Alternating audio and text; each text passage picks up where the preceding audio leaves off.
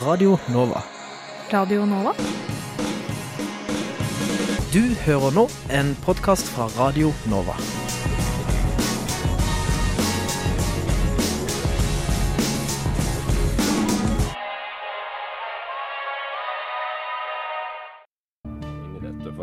For et hovedspørsmålet det hadde vært siden eh, Noam Chomsky etablerte den greina lingvistikken som, som jeg befinner meg i. Vi håper jo på bredest mulig oppslutning om SV, og jeg tror at det eneste som kan få norsk løsner båndene mellom staten og kirka, og forhåpentligvis fører til tettere bånd mellom kirka og folk. Så hadde de gjort som andre fjøringsbevegelser i verden, hadde de helt legitimt kanskje tatt i våpen. Og, så direkte skildring av menneskeskjebner tror jeg ikke vi har sett eh, i noen annen nyhetsdekning av noen annen terroraksjon. Det er såpass store forskjeller mellom den kalde krigen, hvor det var to supermakter som sto mot hverandre, eh, og den situasjonen vi har i dag. Du hører på samfunns- og aktualitetsmagasinet Opplysningen 99,3 på Radio Nova. Opplysningen 99,3 på Radio Nova. Handelsavtaler som TTIP og TISA er omstridt. Trenger norsk økonomi dem, eller er det bare næringslivet som ser etter nye måter å høyne profitten sin på? Vi får både debatt, og vi informerer litt om hva handelsavtalene er. Dagens lovverk for endring av juridisk kjønn er i ferd med å endres. Vi får en lekse i politisk innflytelse fra en av de som har vært med å kjempe fram lovendringen. Det er store kjønnsforskjeller i norsk skole, og gutta går ut som taperne. Vi får et gjenhør med intervjuet hvor Thomas Nordahl, professor i pedagogikk ved Høgskolen i Hedmark, forklarer. ha har en innvirkning på den enkelte nordmanns selvfølelse og identitet. De sliter, og de har ikke råd til å betale eh, markedspriser for, for gassen. Akkurat nå hører du på Radio Novas samfunns- og aktualitetsmagasin, Opplysningen 99,3. God formiddag og velkommen til Opplysningen 99,3 her på Radio Nova. Vi er klare med en ny sending fra fjerde etasje på Chateau Neuf, og i dagens sending kan vi skilte med både intervjuer og debatt. Musikken i dagens sending vil utelukkende være med norske artister og norske tekster. Og, og den vil som vanlig komme fra Radio Novas A- og B-liste. Og jeg heter Vebjørn Løvaas. Aller først skal vi snakke om internasjonale handelsavtaler, eh, som også skal debatteres her i studio senere. Og handelsavtaler som TTIP og TISA er det hemmelige forhandlinger styrt av store selskaper, eller er det avtaler som styrker norsk næringsliv?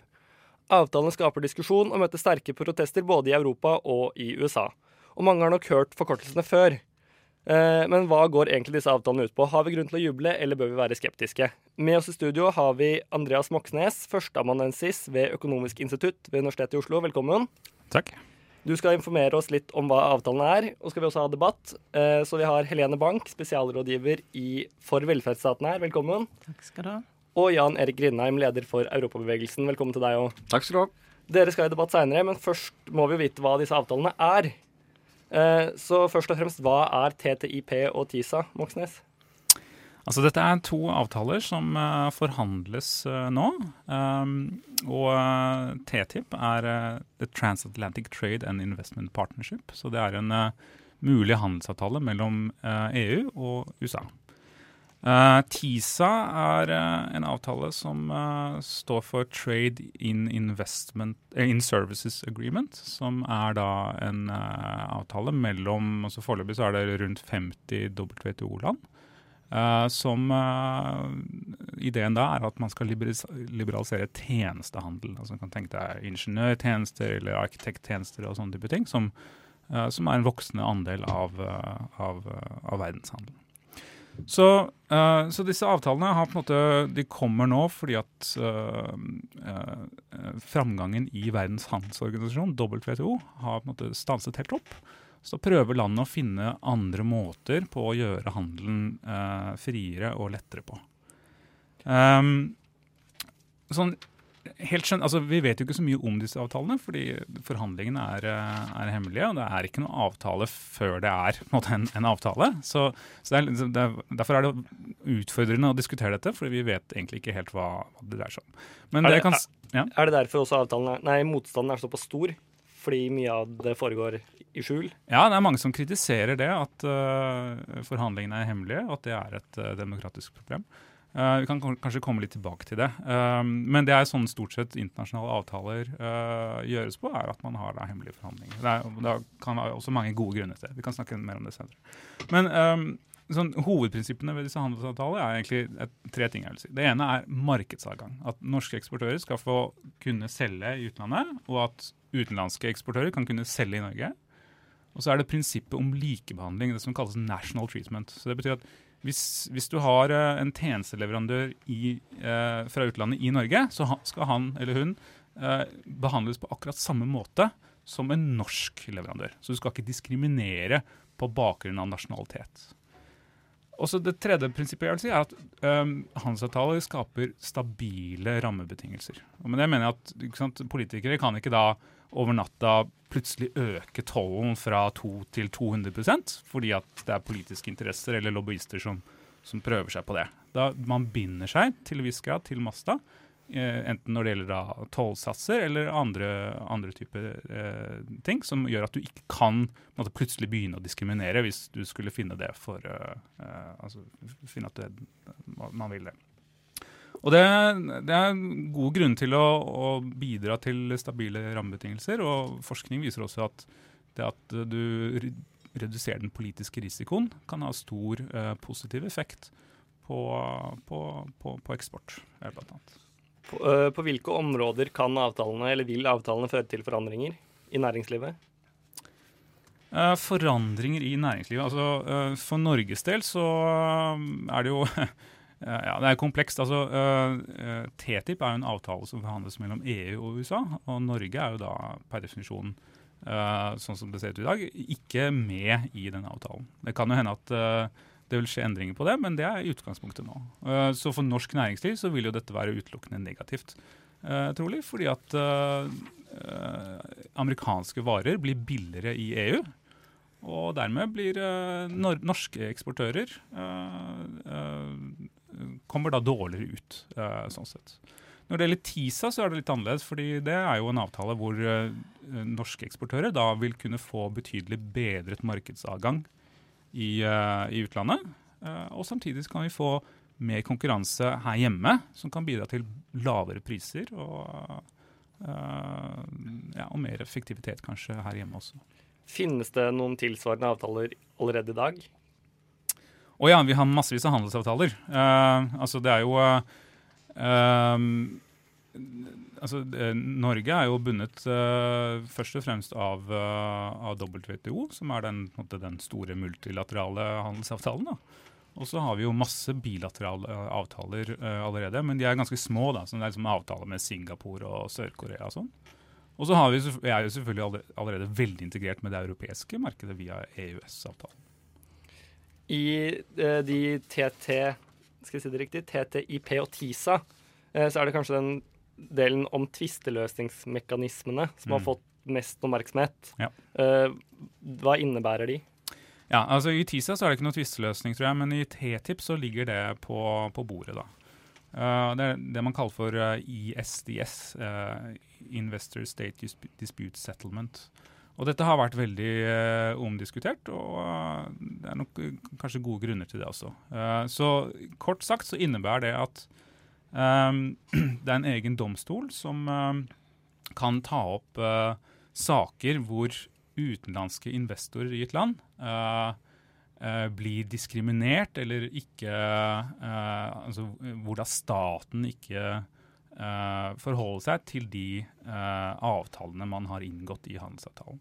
Så et klassisk eksempel på dette her er at hvis uh, ja, La oss si at hvis Norge har en, en ISDS-avtale med Egypt, og et norsk selskap får eiendommen sin ekspropriert i Egypt, at fabrikken blir tatt over av staten f.eks., så kan da den norske bedriften gå til denne domstolen og si at hei, eiendommen min ble ekspropriert, jeg vil ha erstatning.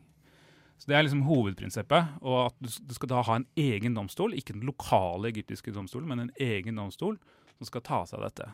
Og Grunnen til det er at man da kanskje tenker seg at den, denne domstolen vil være mer upartisk enn en, en lokal, lokal, domstol. Så det er på en måte hovedprinsippet. Og, øh, og dette kommer da eller, Det forhandles også om å, å ta noen sånne mekanismer inn i, i TTIP. og og Det er omdiskutert, uh, bl.a. fordi at man føler at disse, disse domstolene er, eh, på en måte, står over måte, de lokale domstolene, som oppfattes kanskje som, uh, som ikke helt uh, Eh, helt riktig. Og så har det også vært noen stygge saker hvor, eh, eh, hvor store multinasjonale selskaper har måte gått til sak da, mot, eh, mot land. Eh, i, uh, ja, og eksempler hvor på måte, det, ja, det, det virkelig strider mot uh, på måte, grunnleggende eh, prinsipper. Da. Eh, Kan det være med å undergrave demokratiet? Altså det, det vil jeg ikke si. Disse domstolene, det eneste de kan gjøre, er at de kan, eh, da, altså, de kan gi erstatning til, til disse selskapene. Men de kan ikke stanse lovgivning eller reversere lovgivning. og sånn. Så, sånn sett så vil, vil jeg ikke si at det har, har noen demokratiske eh, problemer. Men det er klart, altså hvis disse erstatningssummene da blir veldig store, eh, så, så kan man jo tenke seg at eh, det kan være et visst problem.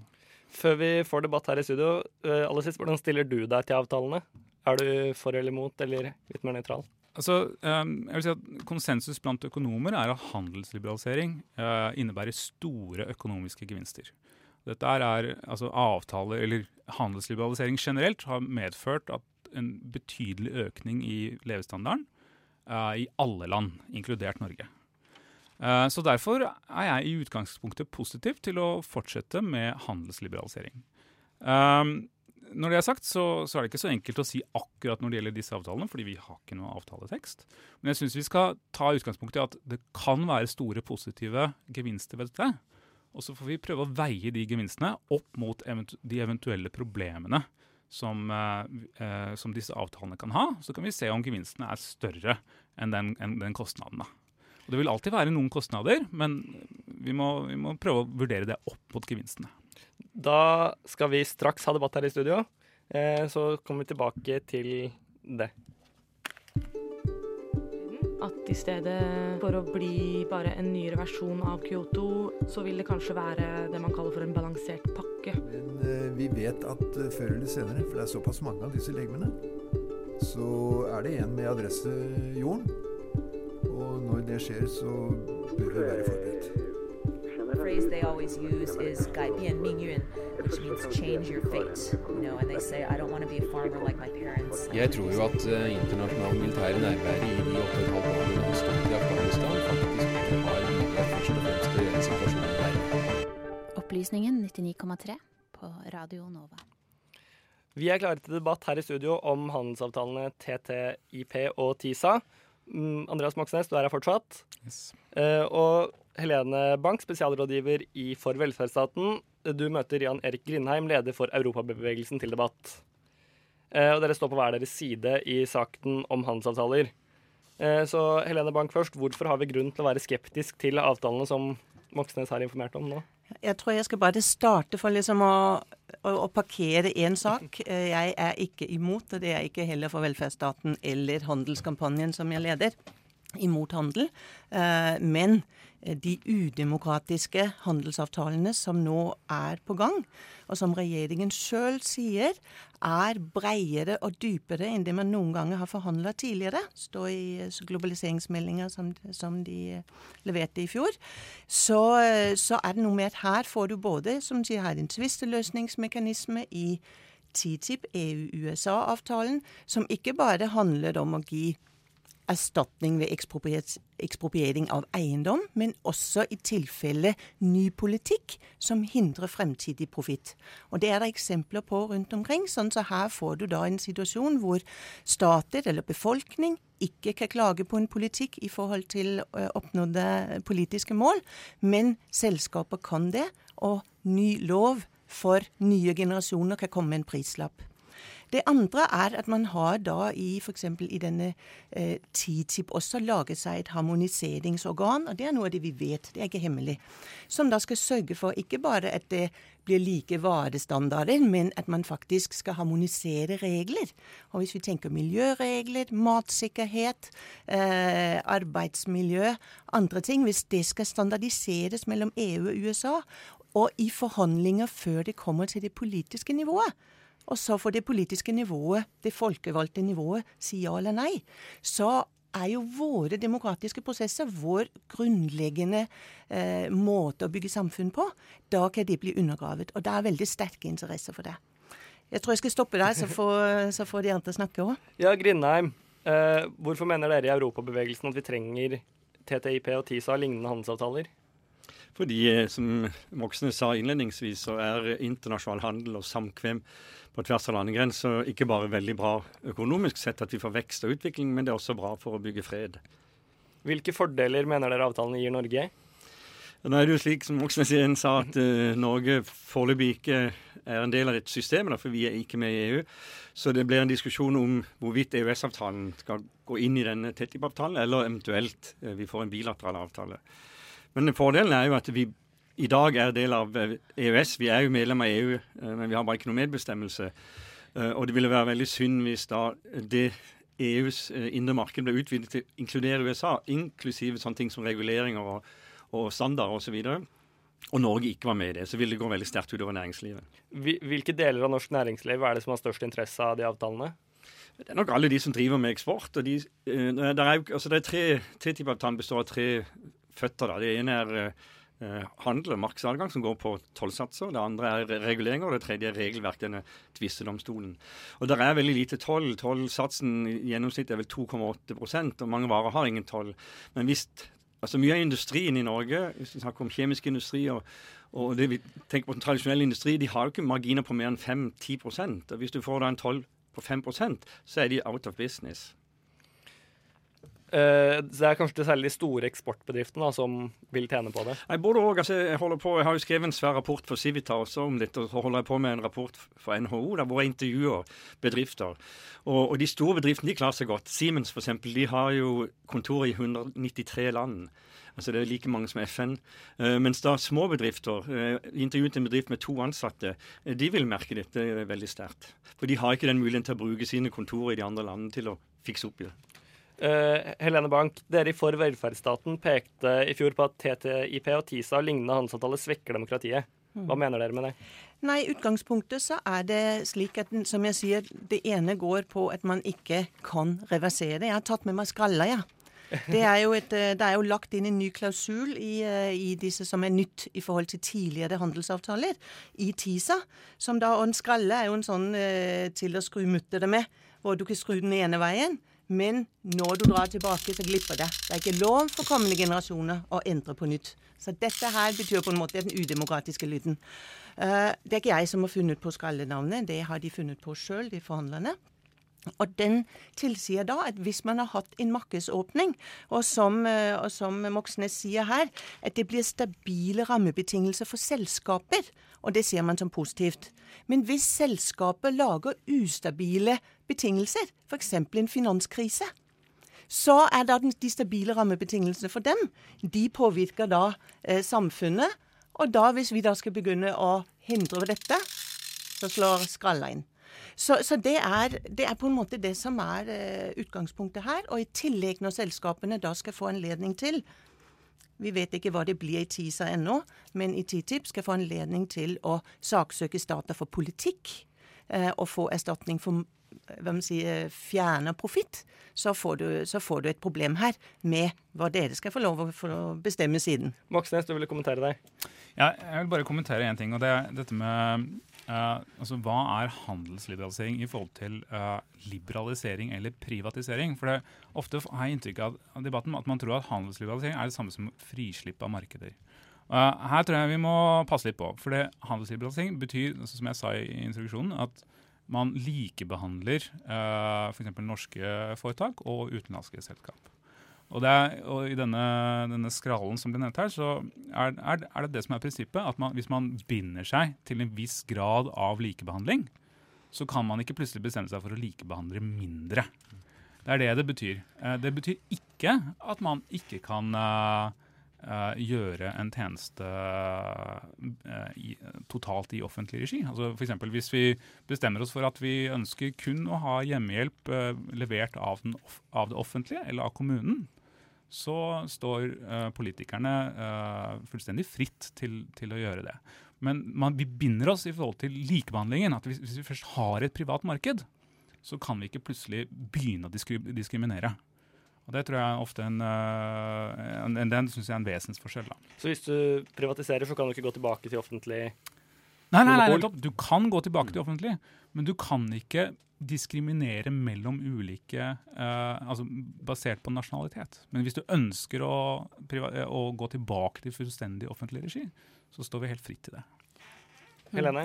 Og akkurat i dette er ganske viktig. Og det står også for så vidt, eh, det er også noe vi vet, for det står i globaliseringsmeldinga.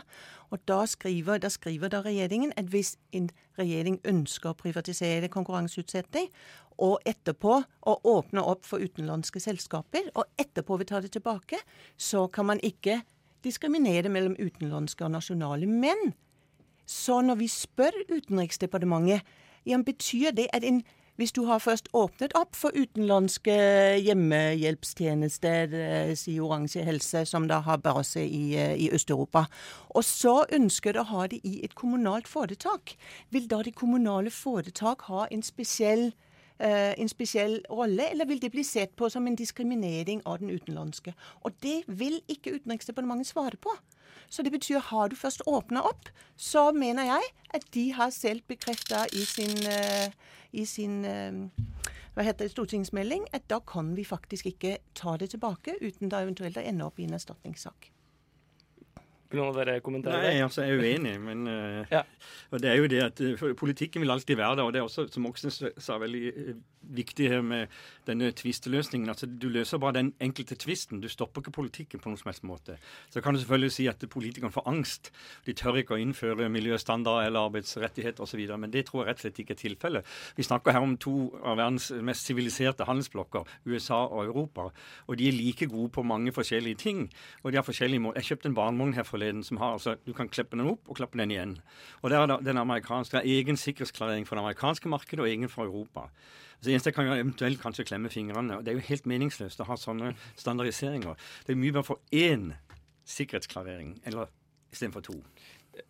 Helene, vil du si noe? Ja, og det går jo litt på at man snakker så mye om standarder.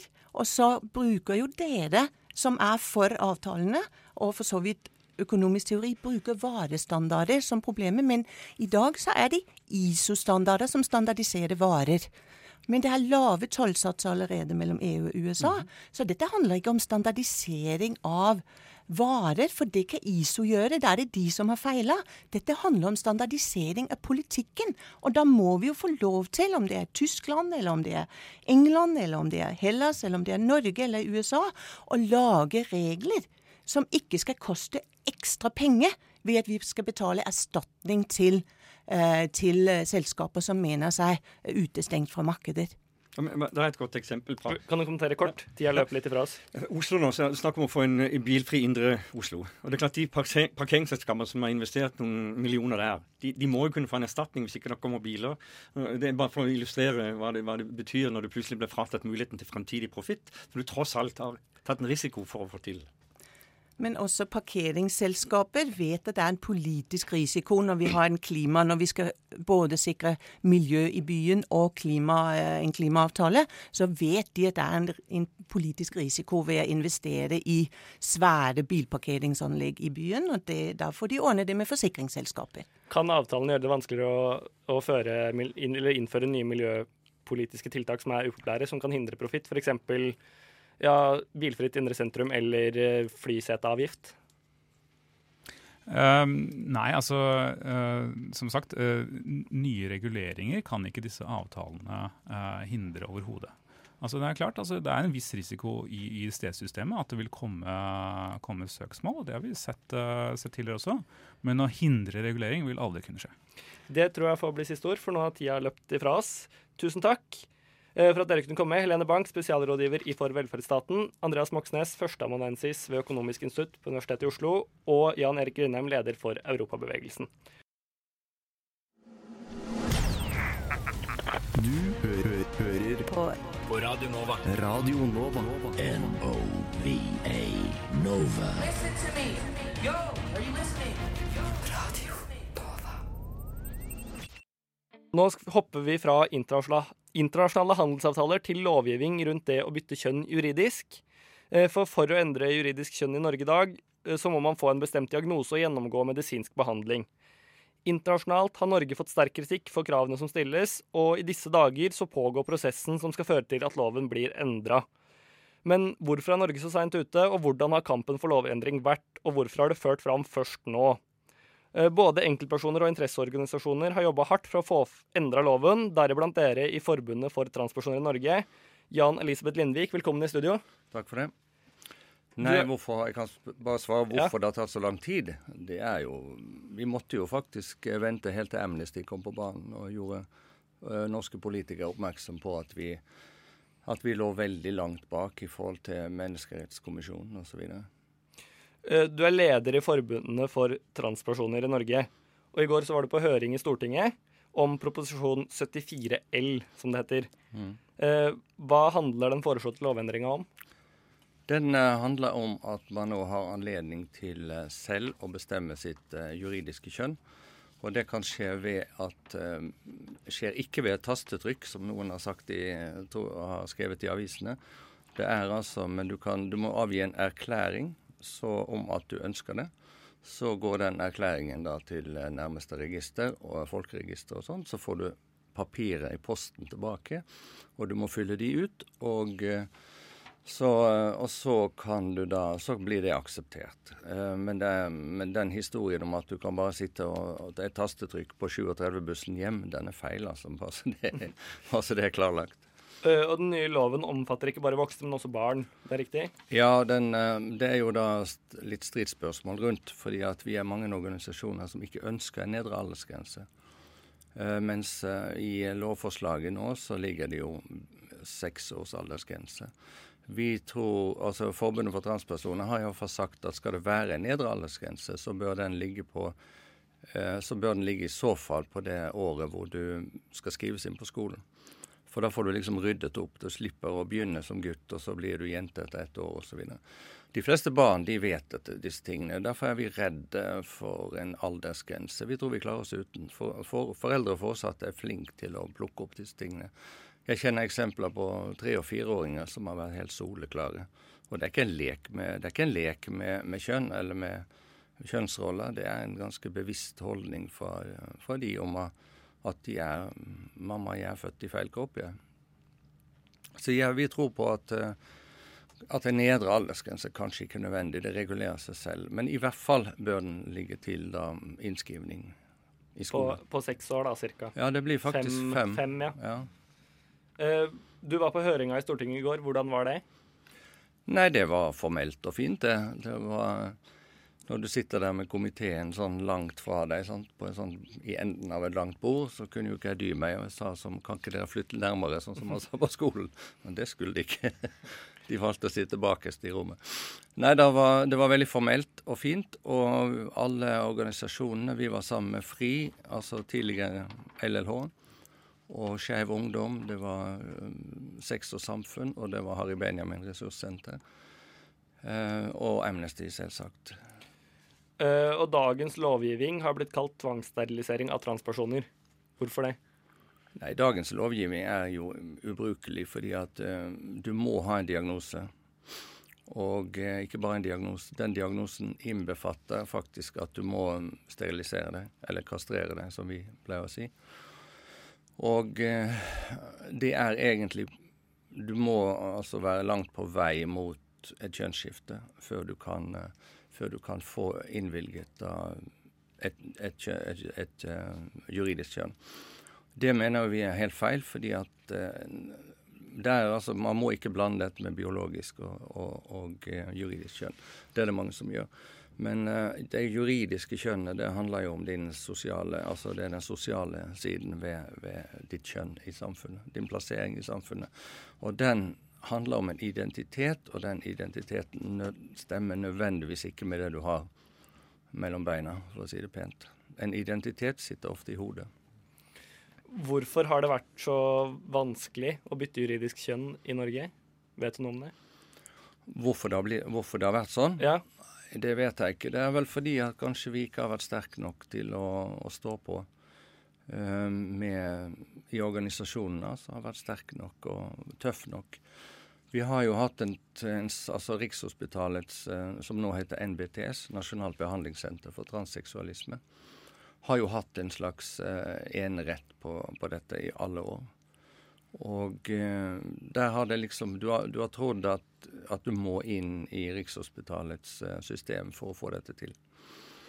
Men så, så når Helse- og omsorgsdepartementet nedsatte denne ekspertgruppen for noen år siden, så var det også etter litt påtrykk fra organisasjoner at nå må noe skje.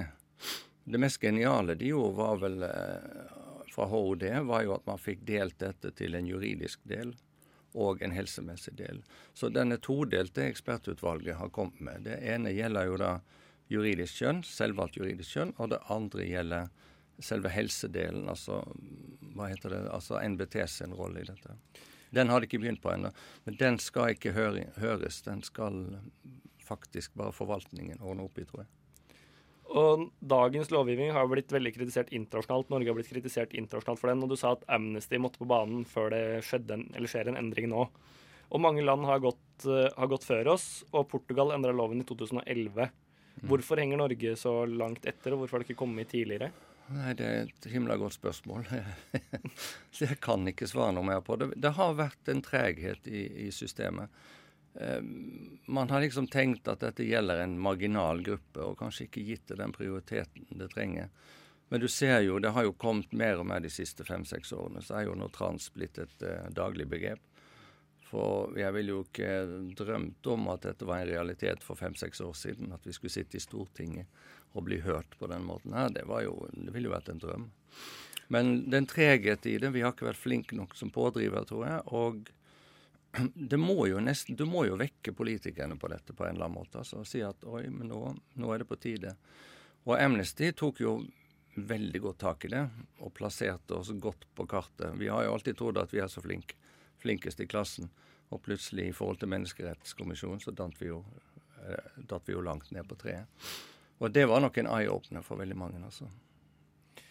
Det har vel vært, eller er vel ganske stor politisk enighet om lovgivninga nå. Men er det noen som er mot? Er det noen som motarbeider på Stortinget? Eller andre grupper? Å nei, det er alle sammen sier ja. nei, det er klart det er vel noen som uh, Vi opplever at denne loven her tror jeg vi kommer til å gå veldig fint igjennom.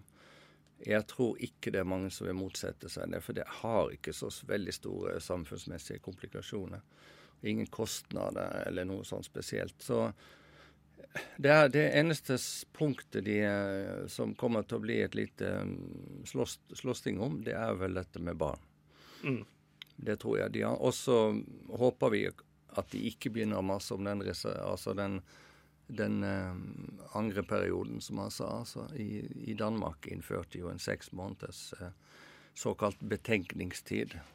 Og den har ingenting for seg. Den har mm, vært kjempekraftig kritisert fra danske transpersoner. Man har vel kanskje tenkt litt før man velger å endre? Ja. Eller, ja. Så vi var, altså ekspertutvalget var ganske soleklar på sin innstilling på, på denne her. Eh, etter alle solemerker så blir jo loven nå vedtatt. Eh, når blir den rett, rettskraftig? Ja, da har jo det norske systemet i Stortinget er jo ganske innfløkt på en måte. da, fordi at først, eh, først kommer jo innstillingene. Så i sånne saker som dette, så vil jo departementet nedsette en, et ekspertutvalg for å få faglig gode råd. Så går det nå til eh, Har det vært på høring på veldig mange instanser som har kunnet gi skriftlige tilbakemeldinger. Så har det gått nå videre til eh, helse- og omsorgskomiteen i Stortinget, som vi møtte i går. Så skal den fremlegges nå. Deres innstilling blir fremlagt for Stortinget, og den skal inn gjennom to behandlinger første behandling. Her skal de liksom bare bestemme en slags eh, Dette er vi enige om, og så blir det et vedtak på det. Og hvis det ikke er stor uenighet, så går den videre til en ny behandling, minimum tre dager etter. Og da, hvis alle er enige da, så uten store, store um, motforestillinger fra, fra, representanter, så, den, så, blir den da sendt til, videre til, eh, for, til kongen. Og da er det en lov. Mm. Vi håper at dette skal skje i løpet av mai. Det tror vi. Og det her har vært en stor kampsak for dere. Hva er den neste viktige saken for dere i Forbundet for transpersoner i Norge nå? Jo, Den er veldig enkel, fordi at vi ønsker jo at den, dette er jo bare et steg på veien.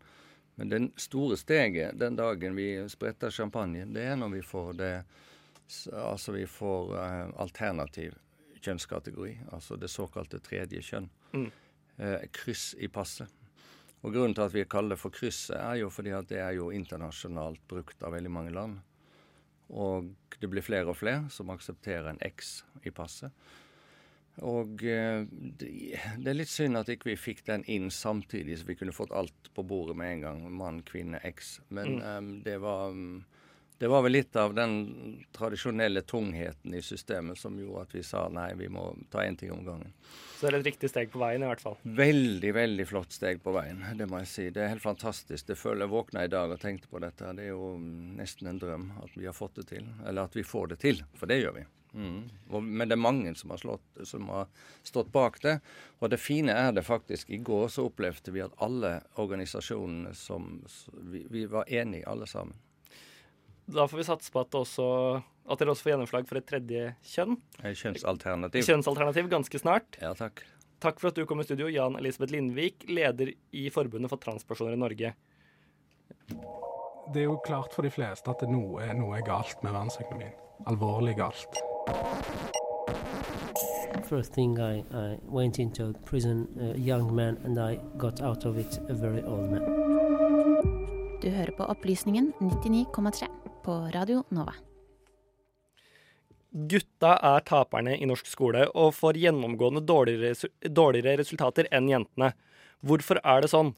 Vi skal få et gjenhør med intervjuet som Signy Grape hadde med skoleforsker og professor i pedagogikk Thomas Nordahl. Er du gutt i norsk skole, må du i teorien gå ett år lenger på ungdomsskolen enn jentene for å få det samme læringsutbyttet. For norske gutter gjør det systematisk dårligere enn jenter i norsk skole. Også i fag som realfag dominerer jentene stadig mer.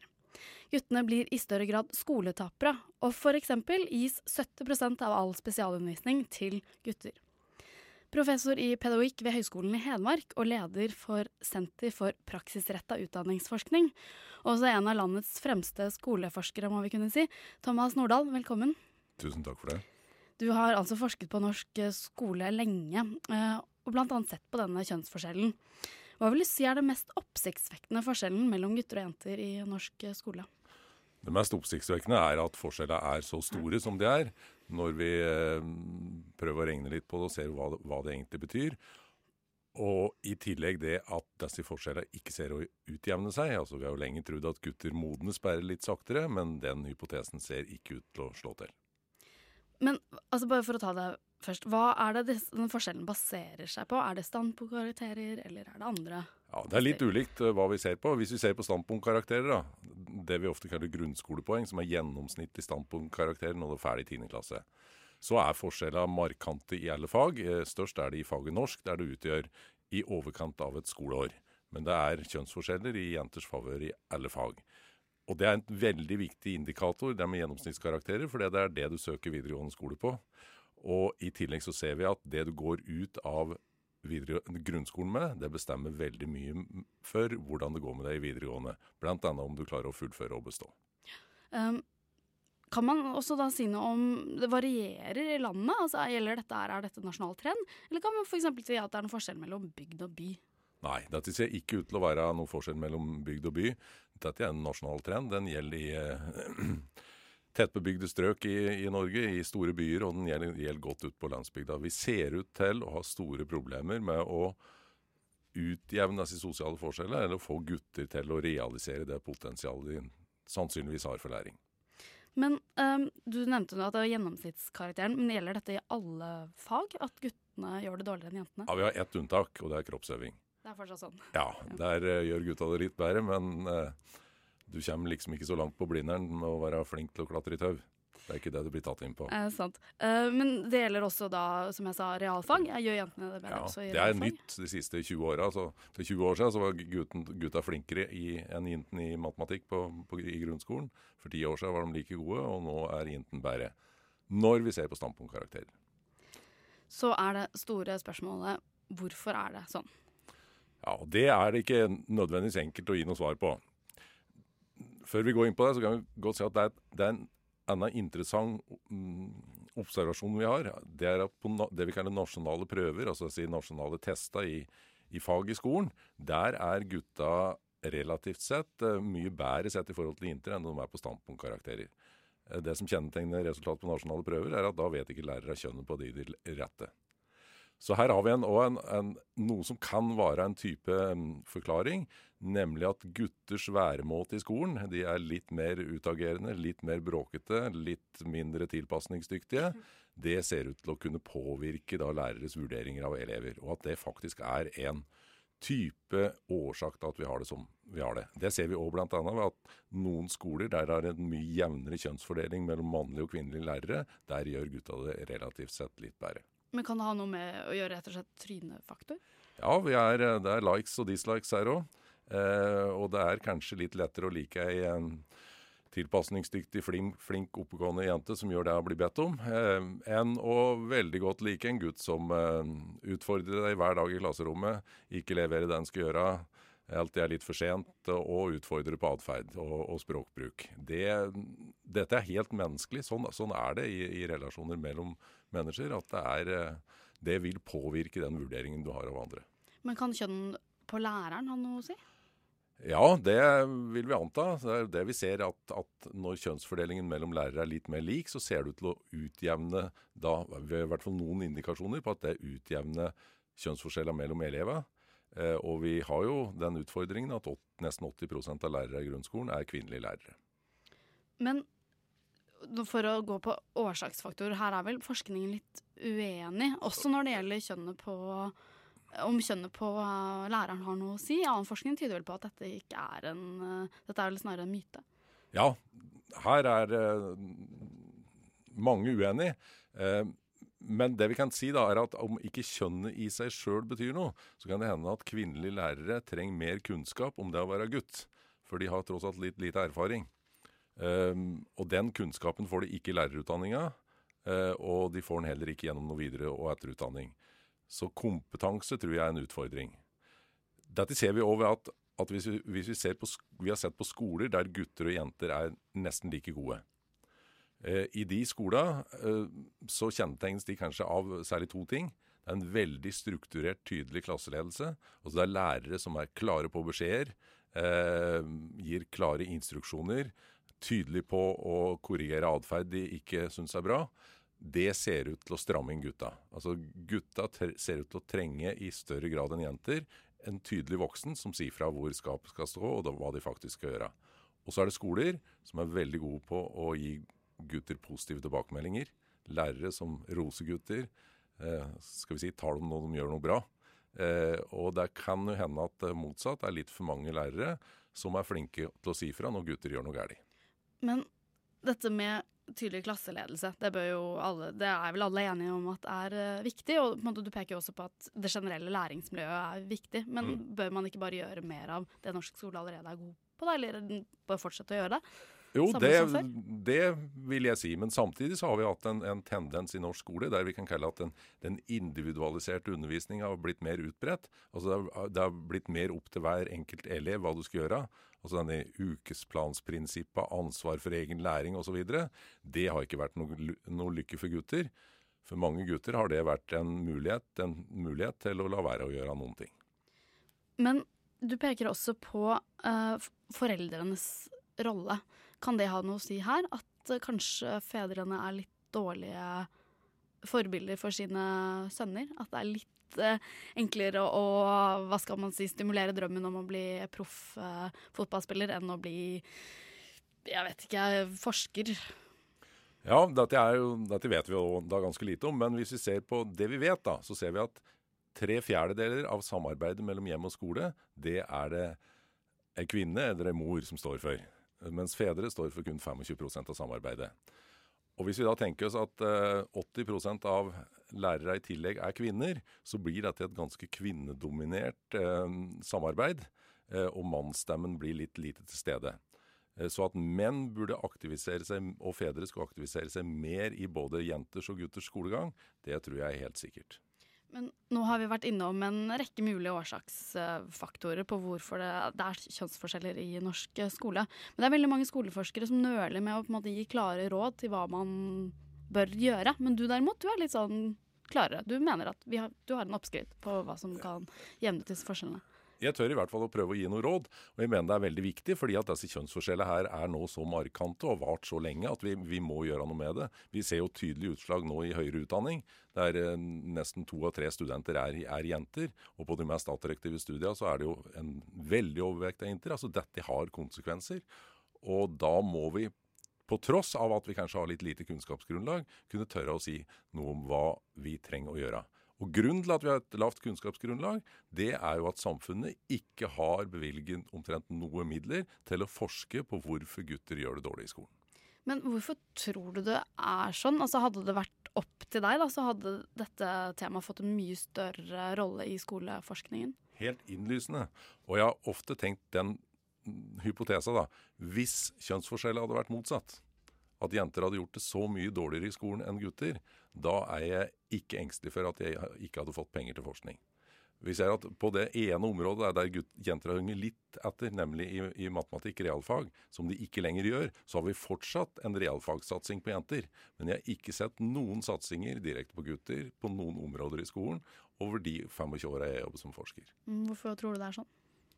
Fortsatt handler likestilling om kvinner, og i mindre grad om menn og gutter. Men burde man da kanskje hatt en slags sånn type Istedenfor realfagssatsing, hva slags type satsing kunne man hatt for gutta? På gutter, skole og utdanning og læring. Altså en generell bred tilnærming til hva kan gjøres for, at gutter, for å utvikle en skole der gutter i større grad lærer, tilpasse seg og utvikle de egenskapene som de har, som tross alt er ganske gode. Eh, de klarer seg rimelig godt, men de har store problemer i skolen. Så ingen easy fix der, altså. Helt uh, til slutt, hva vil på råde landets uh, skoleeiere og skoleledelse til å gjøre nettopp for å jevne ut disse forskjellene? Det er å satse hardt på kvalitet i skolen. For vi vet at de gode pedagogiske prinsippene de virker godt for begge kjønn. Og så hatt en, en ekstra fokus på å følge opp gutter. Eh, og, og, begynne å prøve ut noen tilnærminger, måle resultater og få noe mer kunnskap om hvordan vi løfter gutta læringsmessig i skolen. Mer eh, kunnskap. Tusen takk til deg, Thomas Nordahl. Du er altså professor i pedagogikk ved Høgskolen i Hedmark. Du hører på Opplysningen 99,3 på Radio Nova.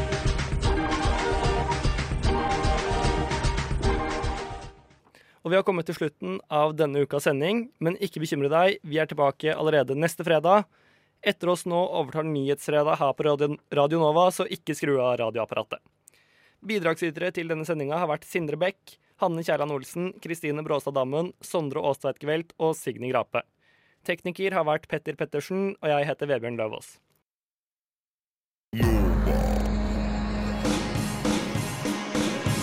Du har hørt en podkast fra Radio Nova. Likte du det du hørte?